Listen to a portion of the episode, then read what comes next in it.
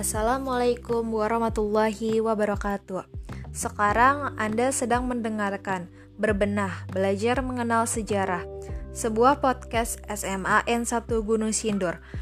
Saya Nabila Putri Ramadhani. Di episode 15 ini, saya akan berbicara tentang tokoh Sultan Syahrir dalam biografi, peranan, dan sikap teladan beliau yang dapat kita tiru. Yang pertama, saya akan menjelaskan tentang biografi Sultan Syahrir. Sultan Syahrir lahir di Padang Panjang, Sumatera Barat, 5 Maret 1909. Adalah seorang intelektual, perintis, dan revolusioner kemerdekaan Indonesia. Syahrir lahir dari pasangan Muhammad Rasad gelar Maharaja Sultan bin Sultan Leman gelar Sultan Palindih dan Putih Siti Rabiah yang berasal dari Koto Gadang, Agam, Sumatera Barat. Ayahnya menjabat sebagai penasehat Sultan Delhi dan kepala jaksa di Medan. Syahrir bersaudara seayah dengan Rohana Kudus, aktivis serta wartawan wanita yang terkemuka.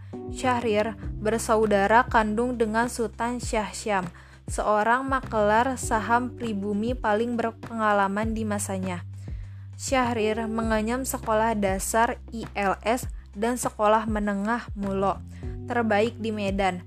Malamnya, dia mengamen di Hotel The Bor, atau yang kini diganti menjadi Hotel Natur Dharma Delhi, hotel khusus untuk tamu-tamu Eropa.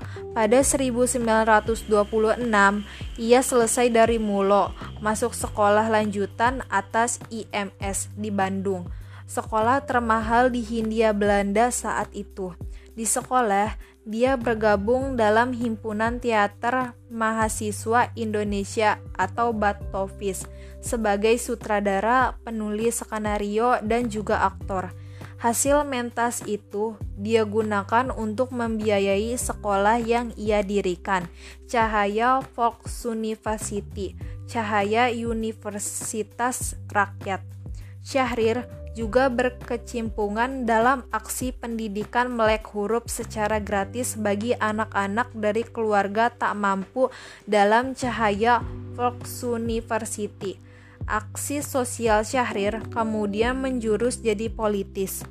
Pada tanggal 20 Februari 1927, Syahrir termasuk dalam 10 orang penggagas pendirian Himpunan Pemuda Nasionalis Jung Indonesia.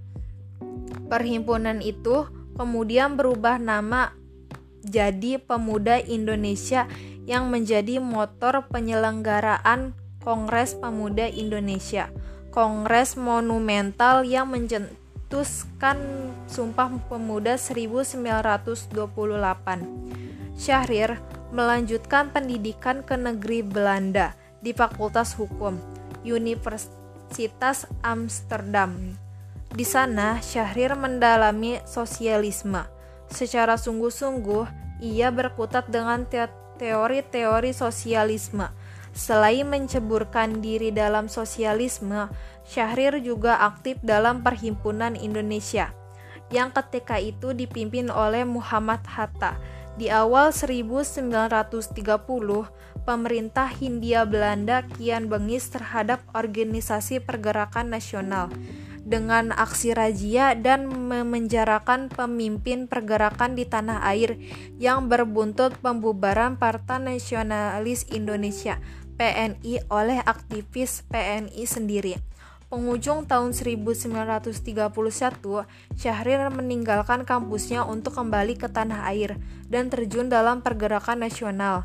Syahrir segera bergabung dalam organisasi Partai Nasional Indonesia PNI baru yang pada Juni 1932 diketuainya. Tahun 1955, PSI gagal mengumpulkan suara dalam pemilihan umum pertama di Indonesia setelah kasus PRRI tahun 1958. Hubungan Sultan Syahrir dan Presiden Soekarno memburuk sampai akhirnya PSI dibubarkan tahun 1960. Tahun 1962 sampai 1600 1965, Syahrir ditangkap dan dipenjarakan tanpa diadili sampai menderita stroke. Setelah itu, Syahrir diizinkan untuk berobat ke juri Swiss, salah seorang kawan dekat yang pernah menjabat wakil ketua PSI, Sugondo Jojo Puspito, mengantarkannya di bandara Kemayoran dan Syahrir memeluk Sugondo dengan air mata. Syahrir akhirnya meninggal di Swiss pada tanggal 9 April 1966 pada usia 50 57 tahun. Dan saya, yang sekarang saya akan menjelaskan peran Sultan Syahrir dalam kemerdekaan. Peran yang dimiliki Sultan Syahrir dalam persiapan kemerdekaan Indonesia adalah melakukan kegiatan penculikan bertujuan untuk menculik IR Soekarno dan Muhammad Hatta dikarenakan Sultan Syahrir telah mengetahui kekalahan Jepang dengan cara mendengar berita yang berasal dari stasiun radio luar negeri. Kemudian ia bersama rekan-rekannya membawa IR Soekarno dan Muhammad Hatta ke wilayah Rengas Lengklok dengan tujuan untuk mempercepat kemerdekaan dari Negara Kesatuan Republik Indonesia. Kegiatan yang dilakukan oleh Sultan Syahrir tersebut berguna untuk melakukan pemaksaan guna menyegerakan kemerdekaan yang dimiliki oleh Indonesia. Akan tetapi, dalam kegiatan tersebut pula terdapat penolakan yang dilakukan oleh IR Soekarno dan Muhammad Hatta dikarenakan mereka ingin mendapatkan info dari Jepang terlebih dahulu ketika akan melakukan pelaksanaan kemerdekaan di Indonesia sesuai dengan prosedur yang ada. Dan yang terakhir, saya akan menjelaskan sikap teladan Sultan Syahrir yang dapat kita tiru.